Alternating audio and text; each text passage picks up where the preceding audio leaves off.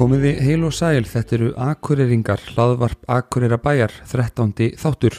Ég heiti Jón Þór Kristjánsson og í þessum þáttum fáum við að kynnast alls konar fólki sem er að gera merkilega hluti um leið og við heyrum að framúrskarandi þjónustu og áhugaverðum viðfangsefnum. Gestuminn í dag fyrir ekki alltaf tróðnar slóðir í lífinu og hefur þrátt fyrir unganaldur farið víða og prófað alveg ótrúlega mikið.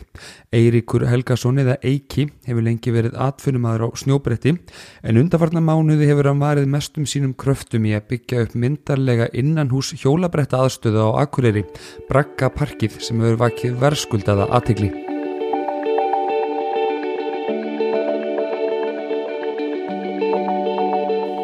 Vertu velkomin Eiki. Takk fyrir það. Hvernig hefur það? Bara góðir, sko. En þú? Ég er mjög góður. Virkilega gaman að fá því í, í hlaðvarpokar. Mm -hmm. uh, mér langaði að tala við þig um alls konar hluti og ekki síst kannski hérna Braggaparkið sem að þú ert tiltölulega nýbúin að opna hérna á akkurir svona innanhús uh, aðstæða fyrir hjólabretti og hjól og, og hlaupahjól og fleira. Mm -hmm. uh, hvað er að frétta af því núna? Þið eru um þess að myndir að opna það ekki einhverja viðbótið að stækka þetta? Jú, þetta er, svona, þetta er tveir salir. Þetta er svona braggi, tveir braggar. Og við opnum fyrir salin sem er svona street course, eins og heitir, uh, í lok mæ. Og hérna, og planið var ekkert að byrja á hinnum fyrir en ég vissi hvað það myndi rúla. Það mm. myndi ekki að vera dí, dífis eitthvað allt og djúft. Okay. En svo bara sá maður bara strax eiginlega fyrsta degi þetta var að fara, muni vera vel sótt. Þannig að ég bara byrjaði eiginlega strax á hinnum. en gera samt aðeins hægar, en bara svona þegar maður hafði tíma og, og pening. Og hver er munurinn á þessum, þessum tveimur þá já, bröggum í rauninni? Sko, brækið sem er opinn er svona sem er kallað strít svona eins og handrið og, og þannig. Já. en hinum meginn er pallið sem kallað skál sem er bara svona eins og skál í læginum svona bói allar hringin þannig að maður getur farið á hring eftir hring og fram og tilbaka og gert alls konar trikk og þannig að það er svona hendið bæði fyrir unga og gamla og bara á öllum stigum, maður getur bara reynt sér eins og maður þóris mm. þannig að ég held að alveg margir gamlir yfir munu mæta aftur núna. Ok, þetta er náttúrulega hérna, það var ekkert svona fyrir hér. Ekki á Akureyri sko, þeir reyndu að gera eitthvað smá inn á Gleratvorki hengt tíman og í strítuhúsinu gamla þetta en það var allt bara svona bráðabæri verkinni sem að leiða var eiginlega klárt að var að tekið út. Mm. þannig að ég ákveði að gera þetta bara aðeins meira svona að alvöru í þetta skiptið? Já, og þetta er ekki rétt í mér, þetta er bæði fyrir hjólabretti og svona hlaupahjól og svo Jú, þetta er hjólabretti, hlaupahjól, línuskautar og BMX Já, ég fór hans að hugsa út í þetta þegar ég veit að, að hérna, þú ert alin upp í sveit. Mm. það var engin svona aðstæða þar. Reyndar fyrsta hjólabrettaparki sem ég smíðaði var í rauninni heima í sveitinni Hjá ykkur? Já, þegar allar heyrúlutna voru að farnar út á sumrin þá smíðaði ég og bróðum hölda pöllum og vorum með svona private skatepark heima. Ok. Þannig að maður var alltaf að smíða eitthvað á bressast sko. en, en hvað ertu hérna alveg upp? Ég er frá, frá sílastöðum en það fyrir rétt fyrir utan Akurabæn og aldist það bara upp og hérna já þannig að maður er sveitastrákur svona kann maður að retta sér. Og var þetta svona hvað getur maður sagt, svona hefðbundi sveita uppeldi voru, voru dýr og, og svoleiðis á bænum eða? Já, þegar ég var lítill að voru með beljur og kindur. Já, það var svona aðal og núna komum meira þarna út, út frá sko. En jú, maður vaknaði að mátana stundum þegar maður nefndi að fóra með að vera með að mjölka kýtnar og eitthvað. Þetta var bara gaman, að fara í heilskapin líka. Og hefur eitthvað haldið þessu, þessu við, ertu svona sveita sveitastrákur í þér? Nei, ég held að þetta breytist aldrei hratt eftir að fann hjólabretti sko. það fór mann aðeins meira að fara í bæin og elda að setja malbygg meira kannski Já. Hvena byrjar það? Ég man ekki alveg hvena byrjaði hjólabretti sko. þetta var svona 97-98 svo byrjaði ég á snjóbretti 99 en það var alltaf bara svona auka, ég var alltaf fyrst að stóla hjólabretti það var svona mitt afáhagamál mm. svo bara alltaf þurfti maður að finna sér eitthvað að gera vetuna líka Já. Þannig að þá kom snjóbretti og síðan bara ástæði fyrir því að maður fór sáleið setna var þegar maður fekk fyrsta sponsorin á snjóbretti ah. það var hvernig að maður kom einhverja leið þar inn sko. Marstu já, 97, 98 eitthvað svolítið, hvað ertu gammal þá, hvað er 10, 11 og 12? Ég er 10, 10, 11 ára þegar ég byrja eitthvað svolítið Manstu hvað það var svona í upphafi sem að, að svona vakti þennan áhuga hjá þér Það var búið að reyna að tróða mér í alls konar íþrættir sko. þegar pappi minn alltaf íþrættakennari og búin að vera í fótbolta og svoleiðis. Og eldri bróður mér líka. Þannig að ég var tróða mér í fótbolta og handbolta og, og frjálsar og ég veit ekki hvað hvað en ég fíla aldrei að vera þú veist. Það er eitthvað við þessar æfingar og mæta og þurfa að gera eitthvað sem að hentaði mér ekki. Og þegar einhver segir mér að gera eitthvað þá vil ég helst gera eitthvað allt annað. Þannig að leiðið fann hjólabretti þá hérna fann ég að þetta strax var svona maður gerði þetta bara algjörlega sín megin fórsendum og mér fannst það bara eitthvað svo heillandi sko. En þú kemur úr svona mikill íþrótta fjölskyldu, ekki rétt, það eru margir í fjölskyldunni sem eru svona tengdir, ég til dæmis bolta íþróttum. Uh, og svo kemur þú og, og síðar hérna bróðin sem farið í eitthvað svona allt annað, marstu hvernig var því bara vel tekið eða? Jú, fóraldra okkar hafa ekki haft neinar hömlur á neinu sko. þau besli sögðu bara að gera það sem við vilji svo lengi sem fari ekki út í líf og rugl sko. það var rauninni eina reglan sem við þurftum að fara eftir Já. Og þú byrjar að fara sér í, í bæina að eldast við, Malbygg og, og hjólabretti uh, og hvað svo? Ég meina hvenar fer þetta verða svona, svona alvar að þú sér það að þetta sé eitthvað sem þú getur jafnvel gert eitthvað bara svona til framtíðar Sko maður var alltaf að horfa á þessi vídeo í galanda, skatevídeó og snjómartavídeó og maður svona dreymdi alltaf um að einhver daginn myndum að vera partur af þessu líka. Þannig að þetta langaði mann alltaf að verða aðtunum maður í þessu. En það var einhvern veginn aldrei beint svona stefnan maður þetta bara svona fjarlæði draumur sko.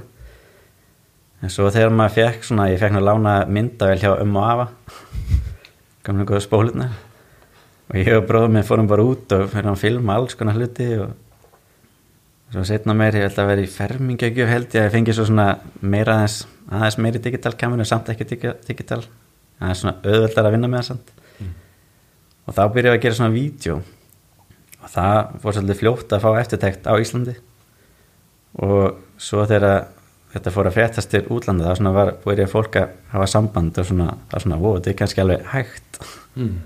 Var það þá, þá hjólabretta eða snjóbretta? Þetta var snjóbreytavídeó. Ef við byrjuðum að gera hjólbreytavídeó svo fengum við svona sponsor hjá búð hérna á Íslandi fyrir snjóbreytin þá byrjuðum við svona aðeins meira að fókusa á það. Og það svona var alltaf fljótt og það er alltaf auðveldar að að fara úr hjólabretti yfir á snjóbretti. Það er svona maður alltaf fastur á brettinu. Þannig að fyrir okkur sem kunnu öll þessi trikk á hjólabretti það var svolítið auðvelt transition að fara á snjóbretti þannig að það var svona fljótt og það sem að stóð svona út fyrir hjá okkur var að við vorum að gera svona handrið á þannig Já. og þá var það svona semi nýtt þannig að það sem við vorum að gera var svona daldið, við vorum að púsa limitið í sportinu. Þannig að trikk sem vorum að gera sem að voru ekki ennþá búin að vera gerð og alls konar þannig. Þannig að það er svolítið fljótt að vekja svona eftirtækt það sem við vorum að gera. Þannig því voruð alls ekki bara eitthvað að renna ykkur niður hérna hlýðarfell eða eitthvað svoleiðis? Við vorum sem sagt bara að fundum okkur alls konar rusl í sveitinni.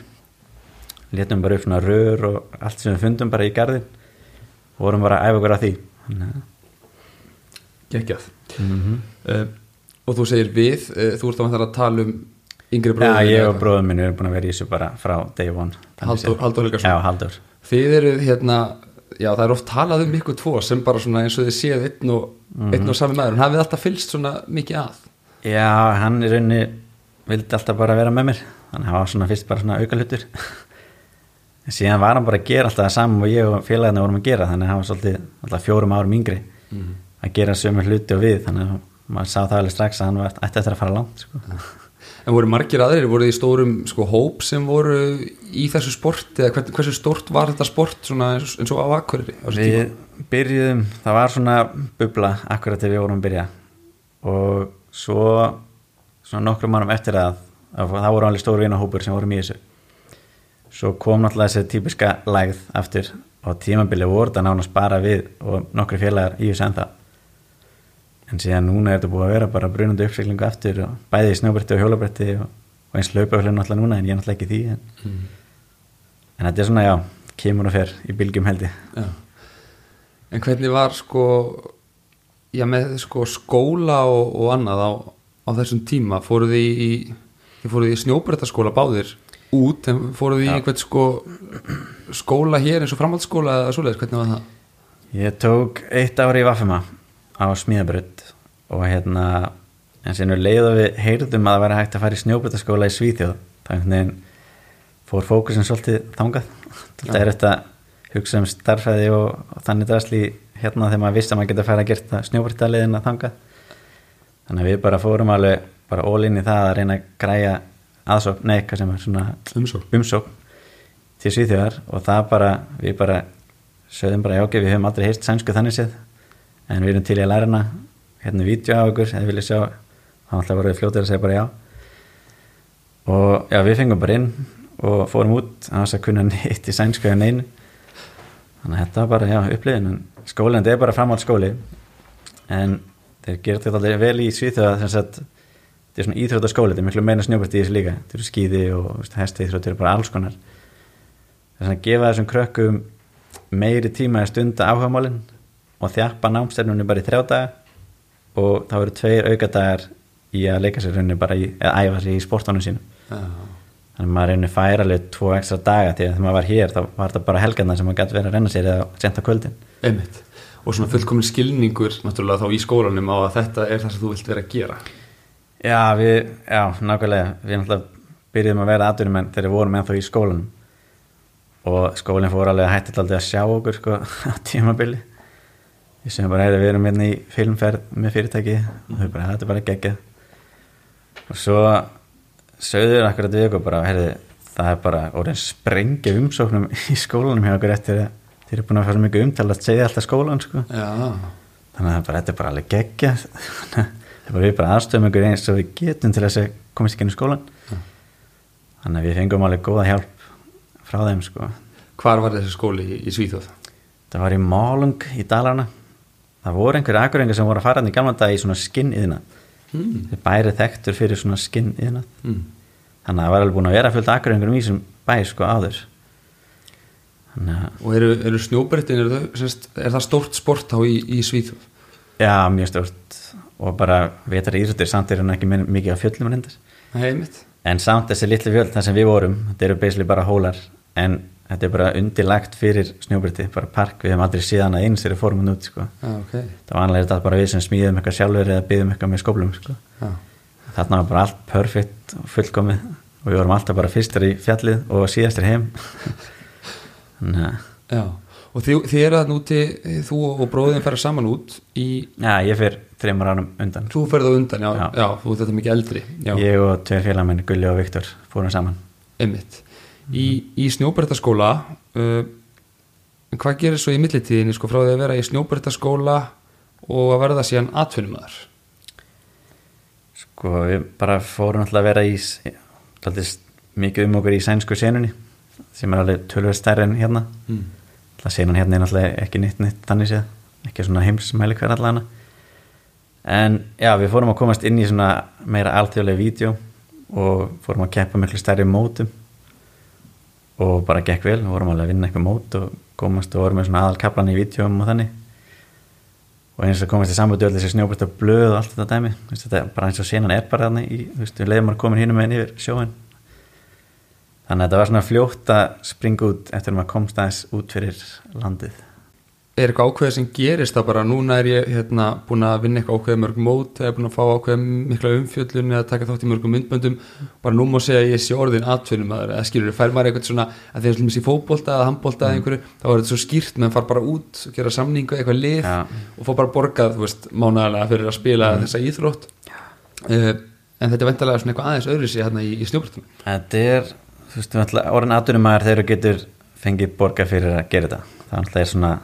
er, þú þú að það er það er línan. Mm.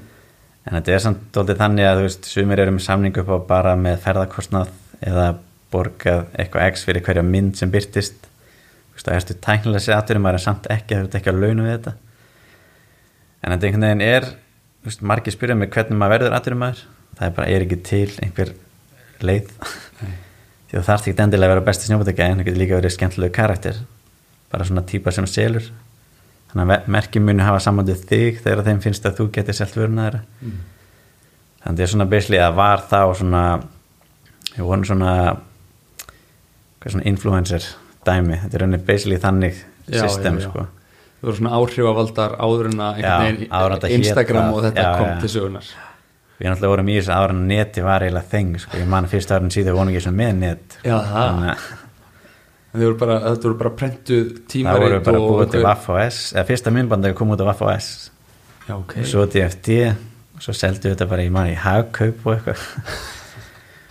Og svo hérna þegar neti kom þá byrjaði þetta alltaf að breytast og það var alltaf verið gett margir sínleir bara eins og allt, með, allt í þessu.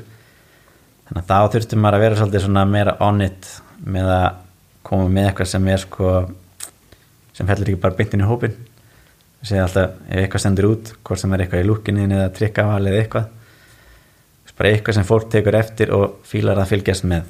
Það var maður í góðum mánum að og þetta atfinnum manna lífið, þú myndir lýsa því eh, þú búin að nefna þessi myndbönd og, og svona, en Mhm. bara svona hefbundi líf hjá eins og þér þegar þú varst að stíga svona þín fyrstu skref í þessari atfinnum mennsku þetta var náttúrulega sínum tíma mjög mikið bara ferðalög. Ég man að einhvern tíman svona fyrst þetta var að byrja þá kom ekki heim einhverja sex mánuði sko. Maður var aldrei lengi á sama stað heldur, maður var bara út um allt. Og hérna en eftir það svona, já ég ætla nú ekki svona langt aftur ég er gott að taka smá reset. Því að leiðum að fyrir að fá svona eins og þessi orðið svona íþingjandi og erfitt.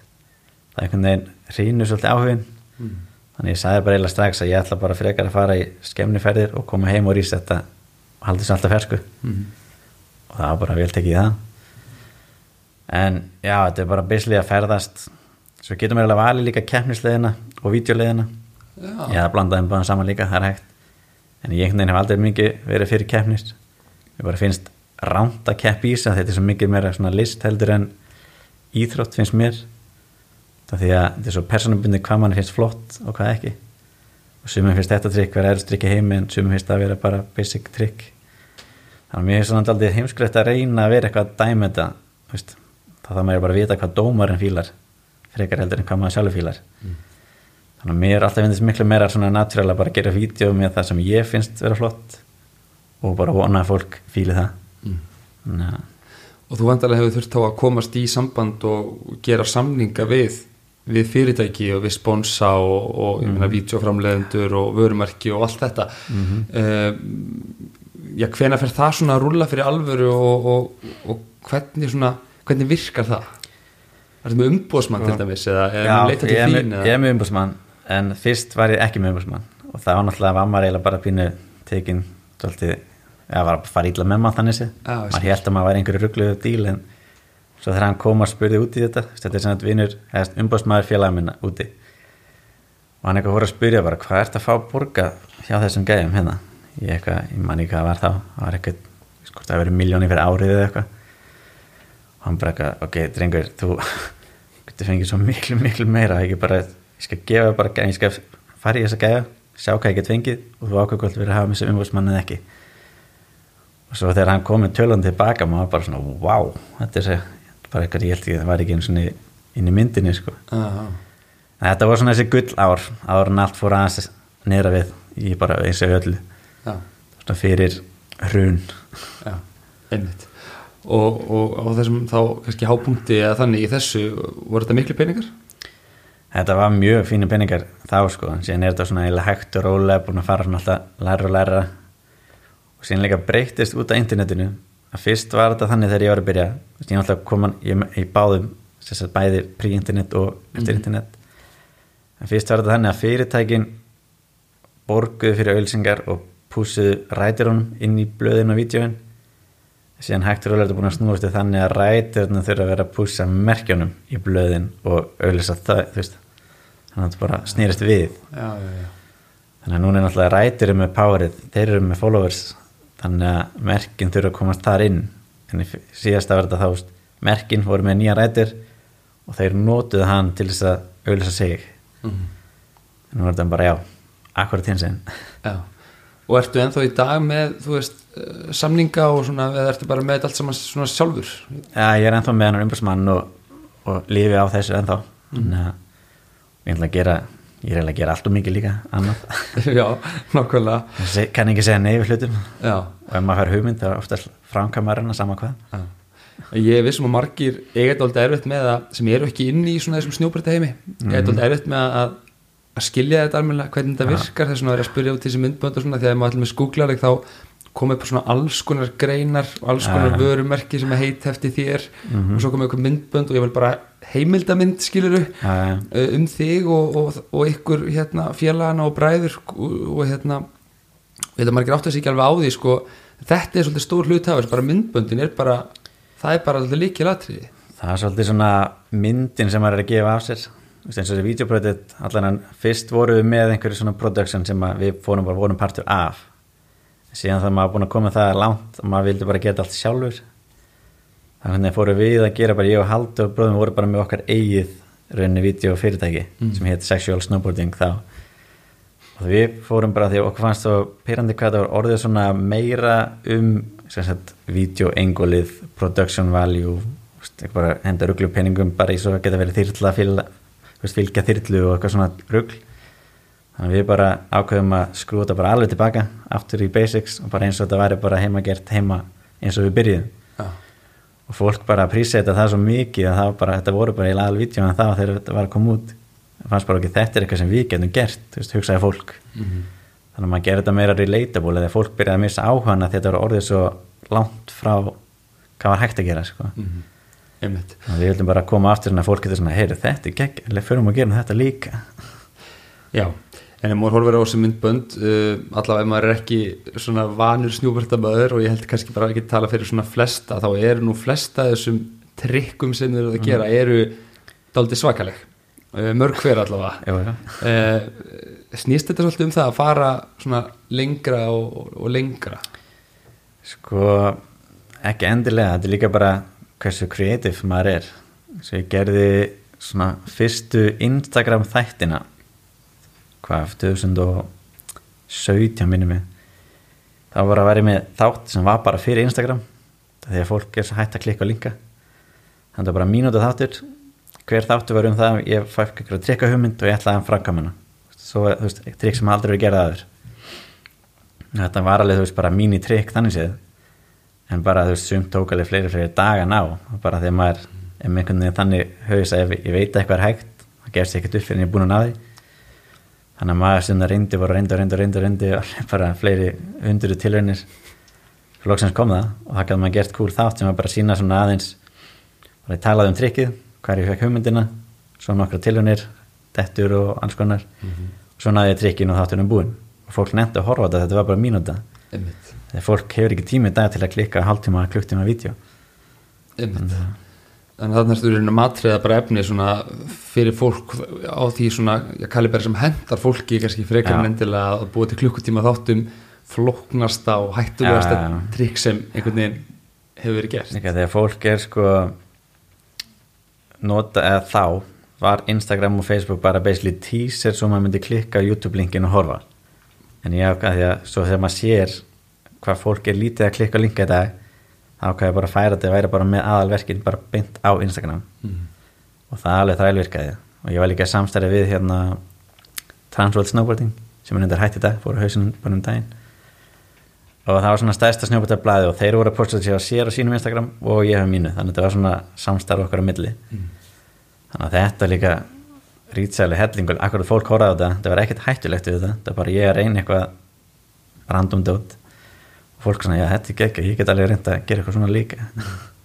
Þú færður öruglega þessar spurningu mjög oft en sko er, er með þetta er þetta ekkert hættulegt? Ég meina, eru er einhver ákveðin, hefur lent í stæmi meðslum og já, og já, já.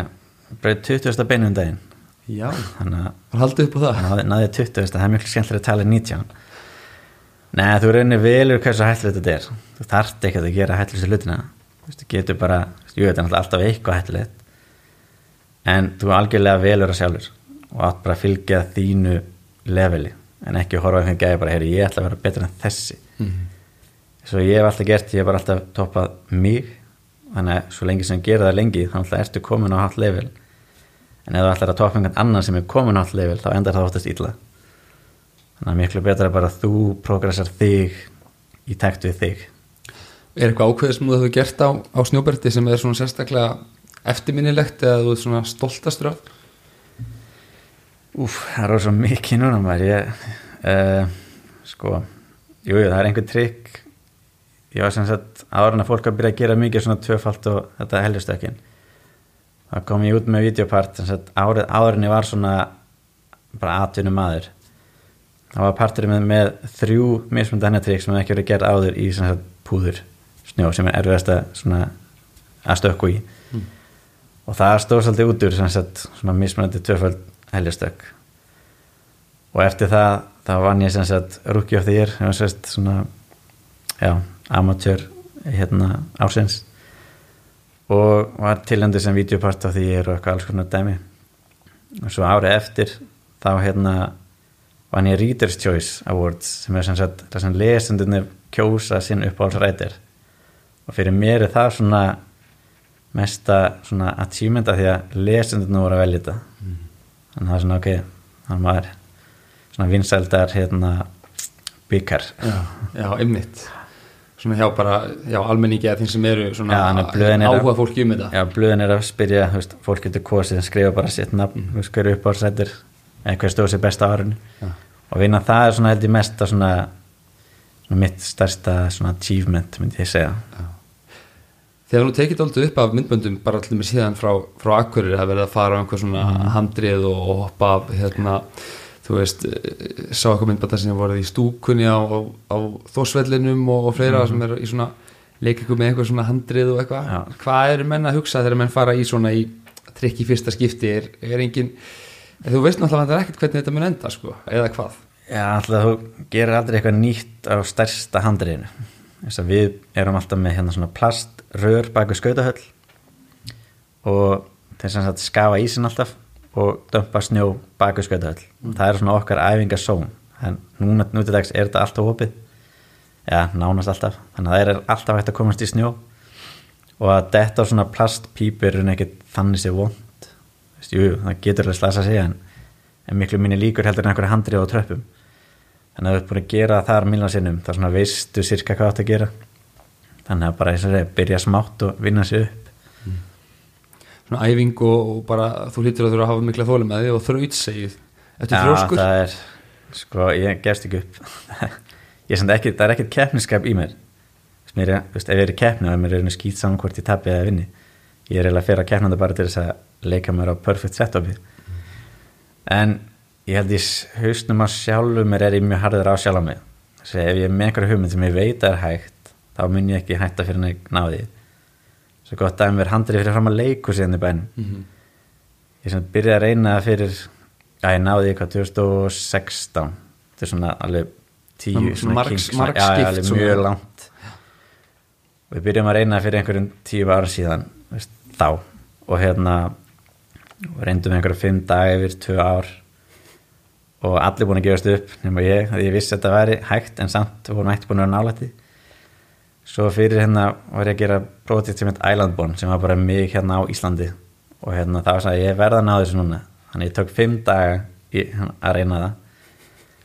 Og sumi dag voru að fara alveg upp í 130-140 tilhennir og svo loksins kom það þannig á tíunda degi tíu ánum setna og yfir þúsund træðist tótar en það kom þannig og hvers virði er það? Ég meina, fyrir, hvað hva gefur þetta þér að ná þessu svona Þetta var mjög skrítin tilfinning að þetta er búið að sitja svo þungt í hausnum. Og þegar ég lendi það einhvern veginn bara ég man að ég svo veist, ég sá að ég var að ná þessu. Þá sónaði ég pínu svona út á leiðinni. Svo man ég bara einhvern veginn rankaði með þegar ég lendi aftur. Og það var bara svona eins og að bara einhver hefði bara bóra gat í hausinu og bara tekið bara klump úr hausnum. Þetta var mjög skrítin tilfinning. Já. svo eftir að var ég hálf bara svona skrítin það er eitthvað svona gól sem hún að ár var farið búið. Og það bara vantaði eitthvað í mig. Og er, er þetta til að myndbandi það? já já. Þetta er alveg, þetta er svona endur nýjus Islandborn verkefni hjá mér. Já, og segð mér hans frá því, hva, hva, hvað er það? þetta var verkefni sem ég dætti að gera bara ég var hérna bara um Ísland veist, ég var á Íslandi og hérna við tókum bara einn og hálfa mánuð. Bara fara um hérna allt það sem var snjór. Bara reyndum að taka upp eins mikið við gætum og gera svona videopart og svo svona dokumentari með svona grín þema í sem var bara svona um mig í sveitinni og eitt félagi með sem er svona stand-up svona hérna gaur. Hann var svona announcerin í þessu öllu saman og hérna, og þetta kom mjög skemmtilega út. Og var bara svona, já, góð auðlýsing fyrir bæinn og það var alltaf mest ekki hér alltaf mest í snjórn hér. Mhm. Og já, þetta var svona sáma líka hvað er hægt að gera mikið úr engu ef maður bara svona er með eitthvað mission. Og það er einu bara já, samangetni við var það fóru alltaf annarkvært að gera eitthvað klárt eða bara búa til að ræða einhverju Þú veist, maður getur gert ótrúlega mikið úr engu. Þannig að og hversu sko hversu margir til dæmis hafa séð séð þetta? Hefur Ég um veit það? ekki alveg. Þetta fór við, þannig erum með svona premier túra líka, þannig að við förum reyna þegar þetta kemur út um Evrópu og frumsýnum myndinar og það er ótt alveg upp í þúsund manns í hverju skrýning sko. Já. og það er mjög skemmtileg, við tökum svona alveg tvær, þrjár vikur í bara svona túr það er svona fæ maður svona rockstjörnu líf feeling en, og ég skil líka hvernig þeir gera þetta bara á sér ring því að þessar tvær vikur mann er búin á því Já.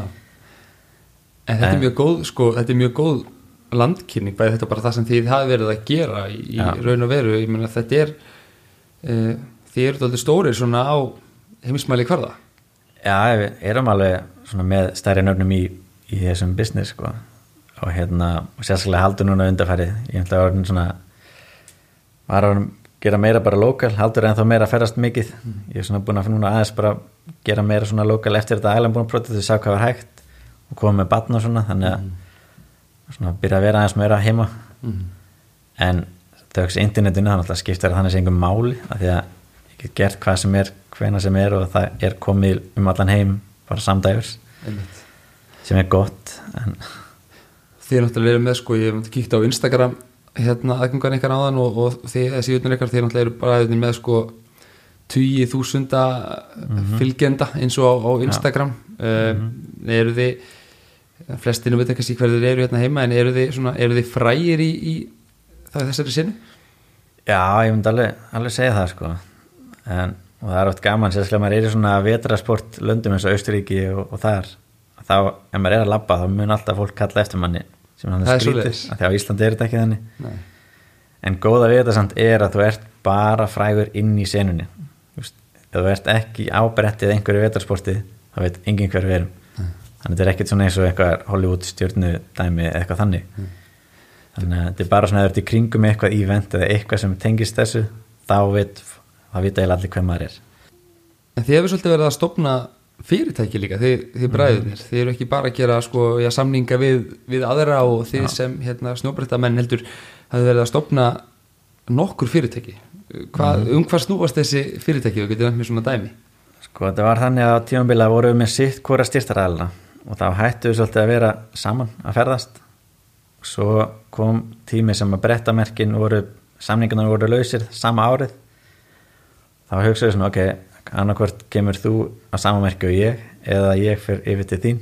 Þú veist, við vorum að tala við bæði fyrirtækin og þau voru alveg bæði til í það. Svo ákveðum en hvað við gerum sjálfu bara merki og þú veist, við erum núna þannig sé orðindu aldrei stórt nafn en samt ennþá mjög ungir. Þannig að ef við gerum þetta núna þá gerum við þetta öðru sem allir aðri því að vanlega allir er þeirra búin að vera burn, burned out í businessin þá startaður einhverju. En ef við gerum þetta á svona á leiðin að verða high peak af okkar season, nei, karýr þá er það kannski miklu meira virði og getum eitthvað sem byggt upp. Og þegar við erum loksins orðnir útbrunnir þá eigum við eitthvað sem er orðustórt þannig að það er svona pælingin og, og það getur líka gert allt meira saman aftur. Þannig að við störtuðum Lobster Snowboards og í samvinni við merki sem heitir Battalion þannig að við svona sérum skrifstofum með þeim úti og þeir sjá svona um hérna leðilegu liðina, business liðina. Ég ætlaði að fara að spyrja þið sko hversu svona mikil hérna rekstrar maður sko, þú værir og þú ert allavega ekki mikið verið að vera inn á skrifst og ég get alveg sagt, ég er nokkuð viss um það. Já, við erum með gott fólk í því.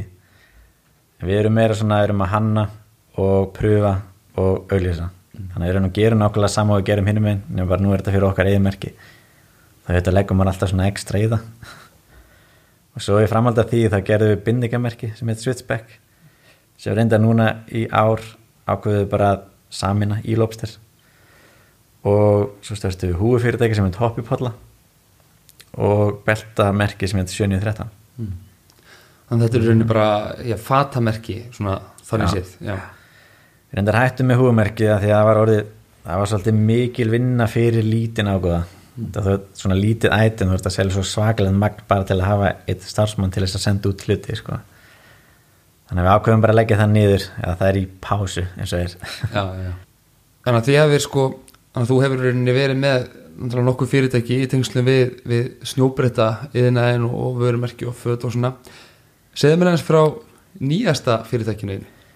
Já, ég og Góður Hópur erum að starta eða búin að starta fyrirtæki sem heitir Birta CBD sem að framleiða sem sagt húðvörur úr hérna kannabisblöndunni sem CBD ólíðinni ekki sem sagt vimmingjaðanum þannig að er eftir að hrista hana stimpil á sig núna þegar maður er byrjað þessu lík. En þetta er sem sagt ekki vimmingjafi þetta er bara, við erum að nýta sem sagt eiginleikana með bólgueðandi og verkeftillandi eiginleikana. Og þetta er nefnilega já, þetta er gaman að fara í þetta þetta er svona alveg út fyrir mitt svið Einmitt. þannig að þetta er bara spennandi verkefni og, hérna, og eins og er er áhengilega gríðalegur og sérstaklega hjá sagt, eldra fólki sem er að glíma við svona gikt og svona eimsli í líkamannum og við erum bara trúðum ekki þegar við ætlum fyrst að stóla frekar af svona yngra liði en nú er markasopun okkar bara beisli eldra fólk sko. En hvernig datt ykkur þetta í hug? Þetta er búin að vera svolítið mikið í umræðinni bara núna líka mikið eins í hjólabrættunum reyndar að þetta er svona miklu gáðulegri verkeflif heldur en allar þess að hefðbundu sérstaklega bandaríkjum þetta ópjóita dæmi sko. Þetta er náttúrulega ekki ávannabindandi og engin skæðlega áhrif en hefur bara hefur ekki náttúrulega sama e- hérna, hérna styrk en þetta er samt alveg hefur gríðilega áhrif og en eins og ég er náttúrulega er þessi ólíja á skrítnum stað í lög, lögkerfinu hérna í Íslandi mm -hmm. hún er bönnuð í intöku en hún er lægi kremum þannig ég má láta hvaða styrkleika af kremi sem er á varðan á mér en ég má ekki rauninni láta inn fyrir varðan á mér ah. þá má ég búin að brjóta lögin Einmitt. og svo eins með þess að núna er innar hampurinn bara, þetta er náttúrulega kemur úr innar hamp og hérna já, fólk geta má í rauninni rækta hampin en það má ekki síja þessu óli út þannig að það þarf að fara með hampin erlendist til að láta síjan búið til kremið og senda það sem tilbúin að vera til landsins Aha. Og þetta er það sem margir ég var að heyra um daginn að var einhverju 200 manns að rekta hann á Íslandi núna þannig að þetta er svona að koma að sprengja í þessu Einmitt. Og eru það að selja þessi, þessi er þó krem sem þau eru að selja? Já, við erum með svona vöðva og verkið stillandi krem og hérna svona andlitskrem eins og er Já. og þetta fæst bara eina á byrtacbd.is Já. Þú ert svona, þú ert svona business kall, það er alveg, það er augljóst. maður er að koma sér í alls konar verk sko. Áttu að auðvitað með að segja nei? Já, ef mér finnst hugmyndi góð þá segir ég náttúrulega aldrei nei Mm. og ég oft, félag mér sagði mér "Vá, ef þú byrjar að tala um hugmyndir þá oftast framkamur þær Mm. og það er eiginlega alveg rétt ef ég, ég er kannski búin að vera með hugmyndir haustum heil lengi en ef ég fer að tala um þær út af við þá veit fólk að ég sé að fara í þetta. En núna yfir öll þessi ár þú ert búin að vera að ferðast náttúrulega mjög mikið og, og hérna, vera atvinnumæður og, og stofna fyrirtæki og, og gera alls konar. Eh, Hefur alltaf átt sko, heimil einhver staðar á einum ákveðnum stað?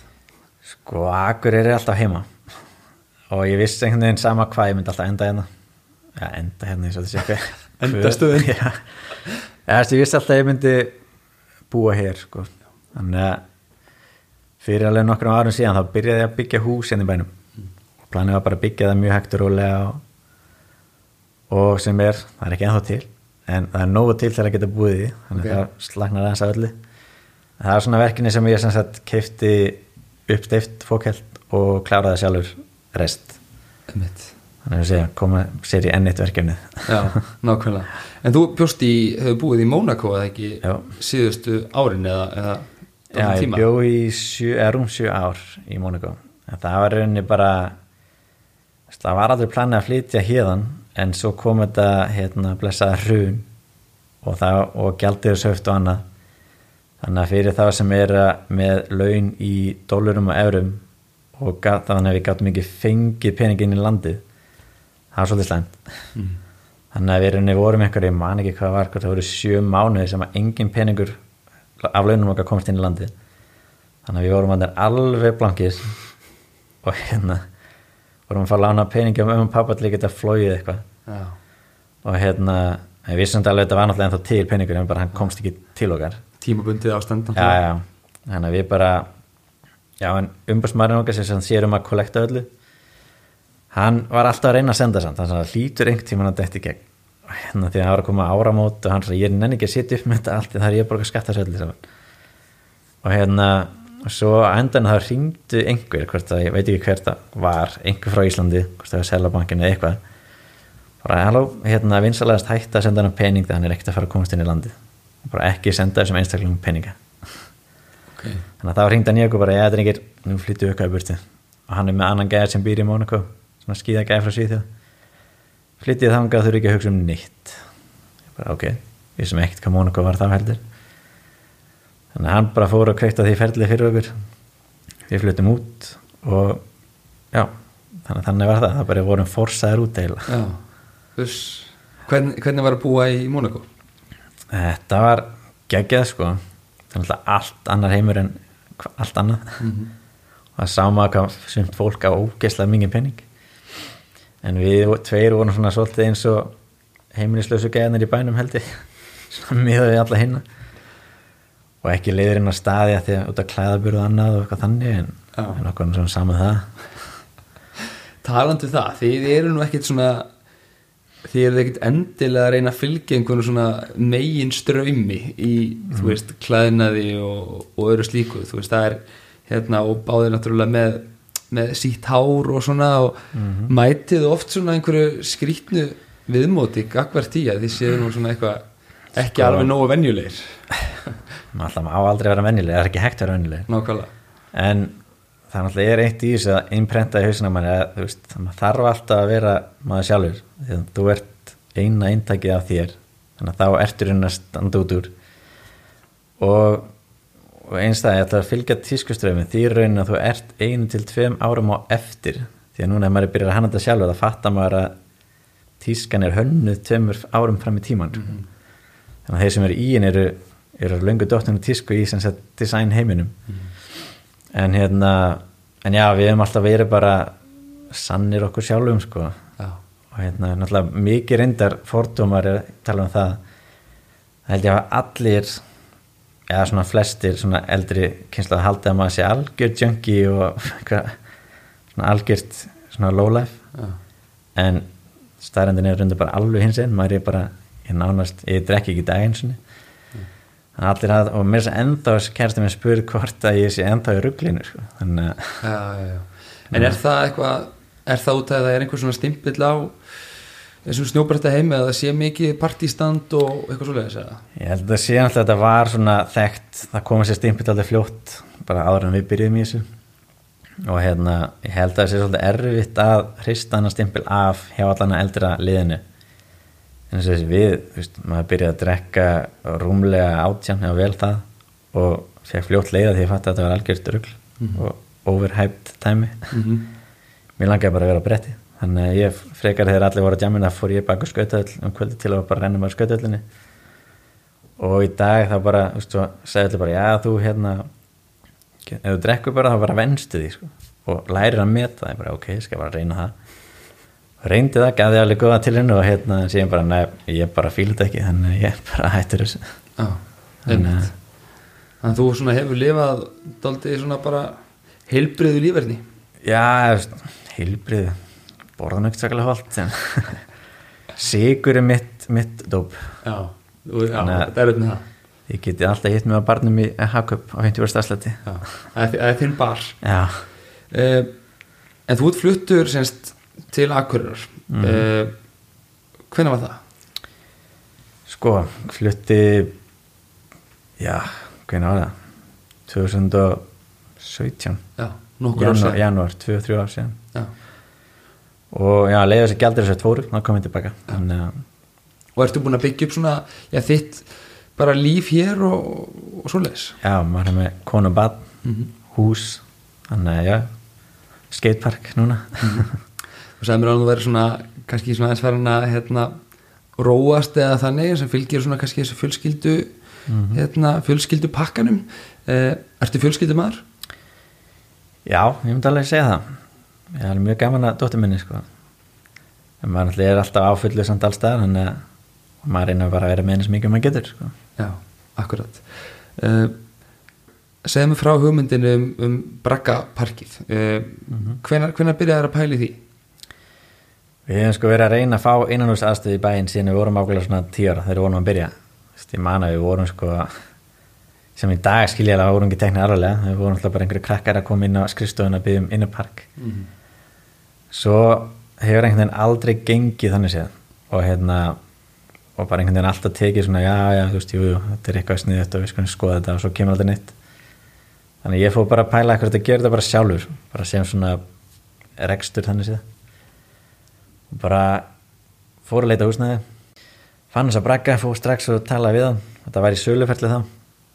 Og ég hugsaði fyrst að kaupa þetta en svo var þetta aðeins meira kostaði meira en bjóstu. Þannig ég spurði hann bara að leiða þetta? Og hann svona já, ekki máli, en svo seldist húsið. Og ég fór bara beinti nýja eigandan þegar ég vissi hvað það var. Og það samt höfnin, Akureyri.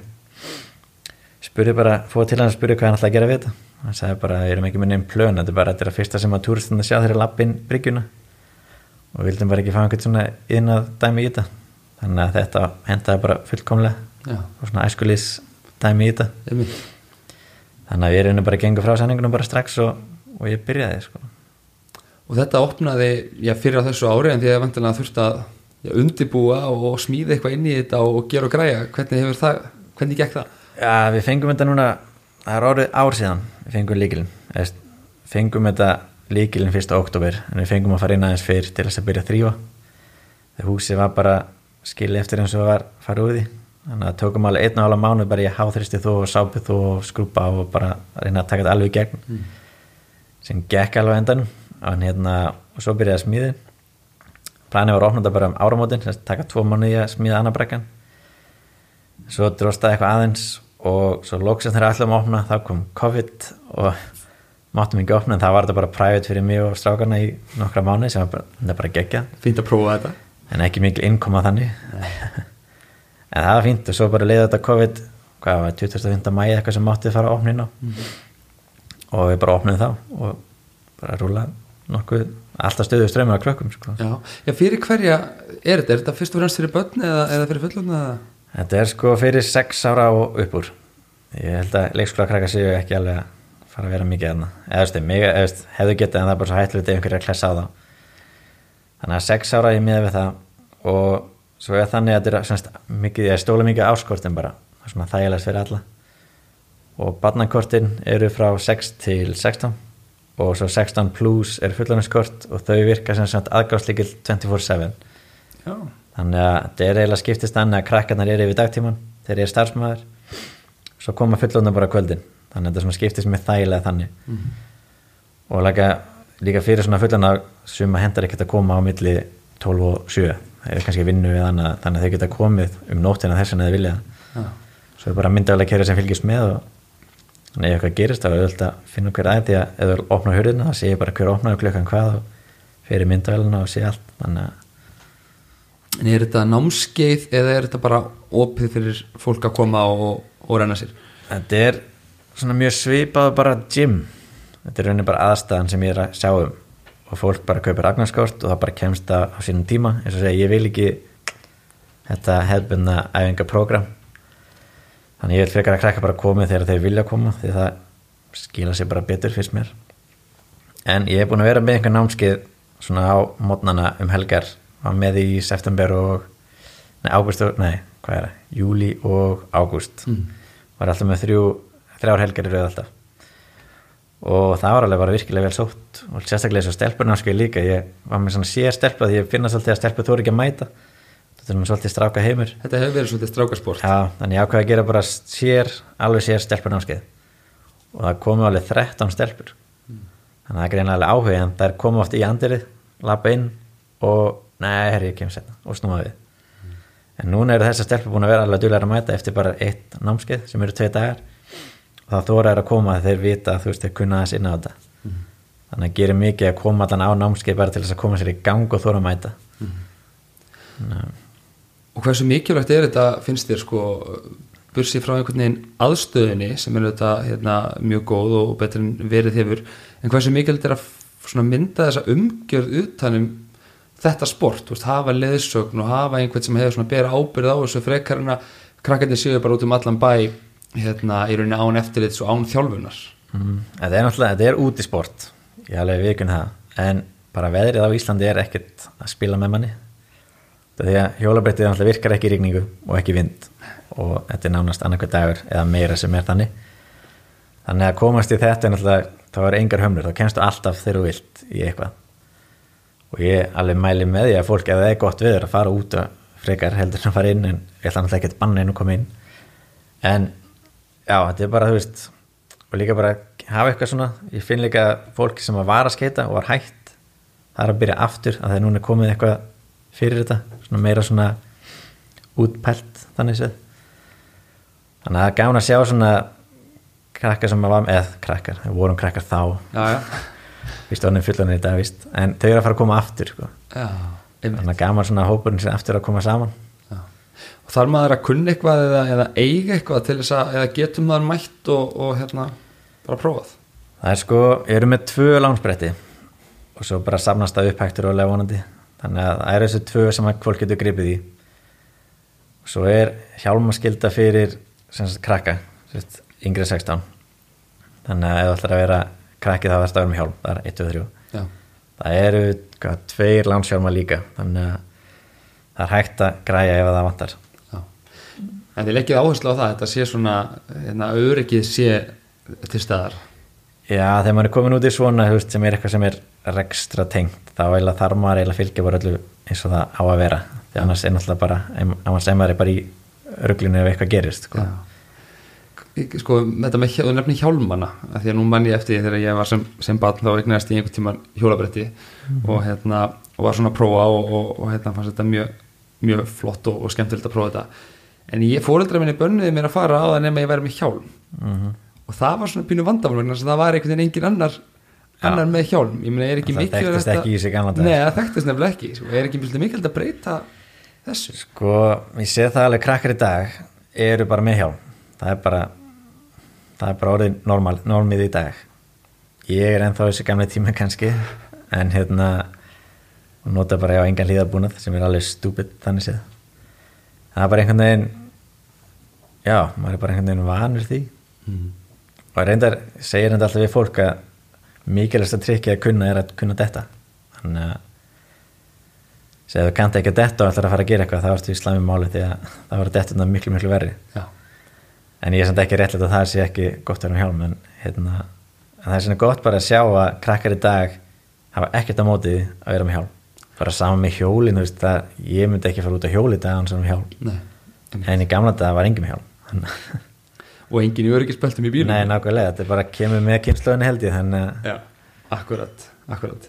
Uh, og þið eruð í alls konar sko, skemmtilegum verkefnum og, og hérna barnamenningarhátti sem er núna farin á stað uh, á vegum Akureyrabæðar þið ætlaði að taka þátt í og eru að taka þátt í, í því. Sem að vera með sem á fimmtudöfum svona bara opið hús. Þannig að geta allir sem að vilja koma mætt og kynnt sér aðstöðuna og það vera með svona smá leysögn á brettum og eða, einhverju dagar eru bretti og einhverju eru hlaupahjól. Hlaupahjól er náttúrulega orðin alveg rísa sport í dag hérna í bænum.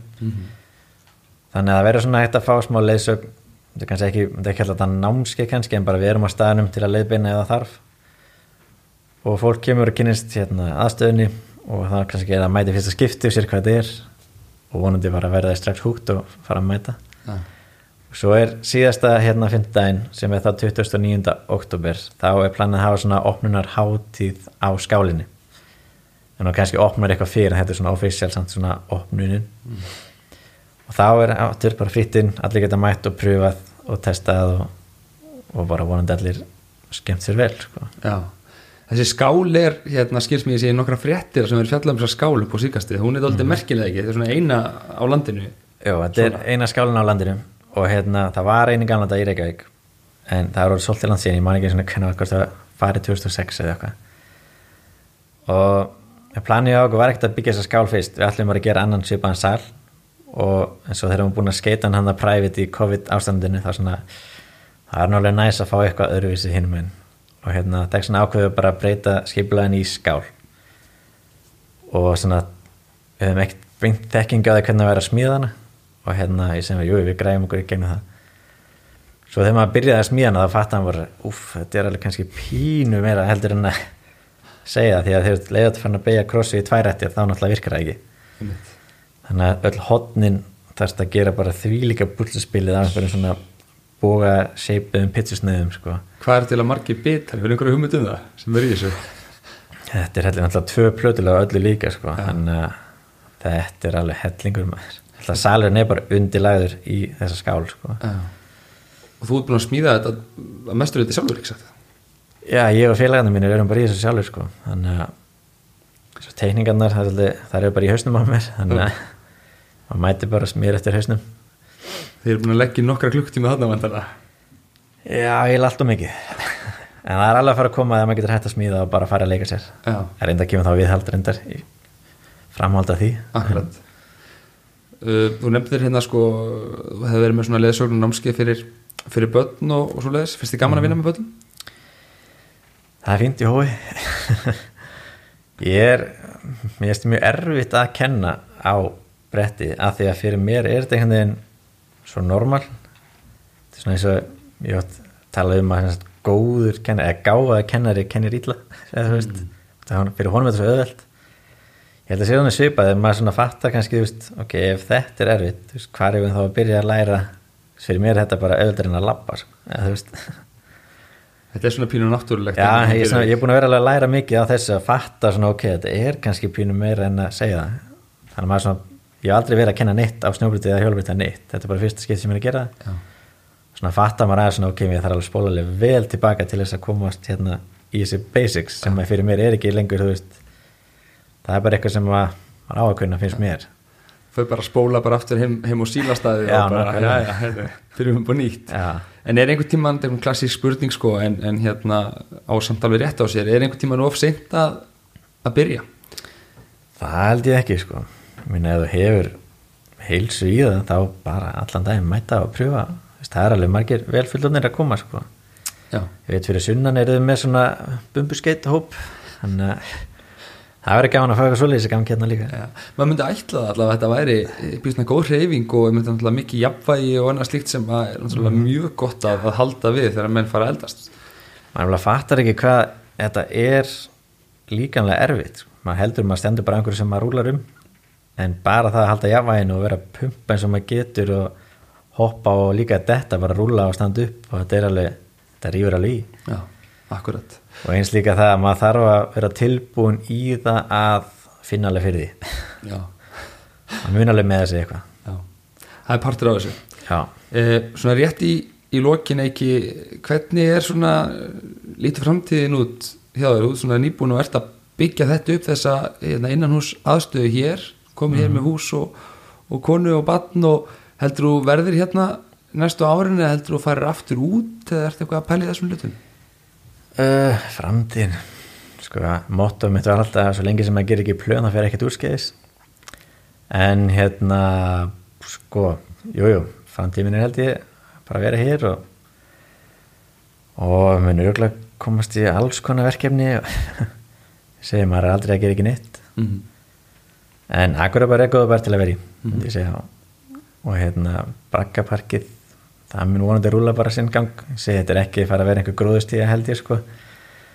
En ég er líka hérna tekið dæmi þetta er bara eins og sumir áhuga með ennum bíl að kaupa sér glænjaðan bíl rándýra. Ég hef engan áhuga bílum þannig ég kaupi mig bara fyrir að byggja skatepark. Þetta kostar svipaði upp en að starkkostna nema að þetta gæti komið tilbaka en bíl gerði ekki. Þannig að þetta er í raunum betri fjárfæsting Akkurat. Og svo náttúrulega styttist í, í, í veturinn og, og snjóin og þá vantanlega ferðu í, í, á snjóbryttin á fullu eða hvað? Já, þetta er nefnilega spennandi vetur af því að núna er Akureyri með þessa sem við kallum heilu þrennu þetta er snjóbretti, hjólabretti og svo surf líka hérna út á Ólusveri sko. Þannig að fólk sem er að koma í bæinn og end, endar í svona óveðurs tímabili, það kemst alltaf hérna inn og saman með þeir sem er að koma að surfa komast alltaf hingað inn þannig að þú ættir hérna alltaf að geta gert eitthvað sko. Heldur að séu mikil tækifæri í þessu fyrir okkur ef við horfum bara á svona markasetningu á bænum og ferðarþjónust og annað að gera meira úr þessum hlutum? Hef alveg fengið hellinga skilabóðum á svona fylgjendum sem segir bara, ó, ég var á Íslandi og hefði ég vitað þess að þau nú mætt og þannig að fólk er alveg fylgjast vel með þessu sko. Já, þannig að það verður gæðan að sjá hvort að, þú veist, jú, það er alveg búin að koma útlendingar eða svona turistar að mæta sko. þannig að þetta er bara spennandi já.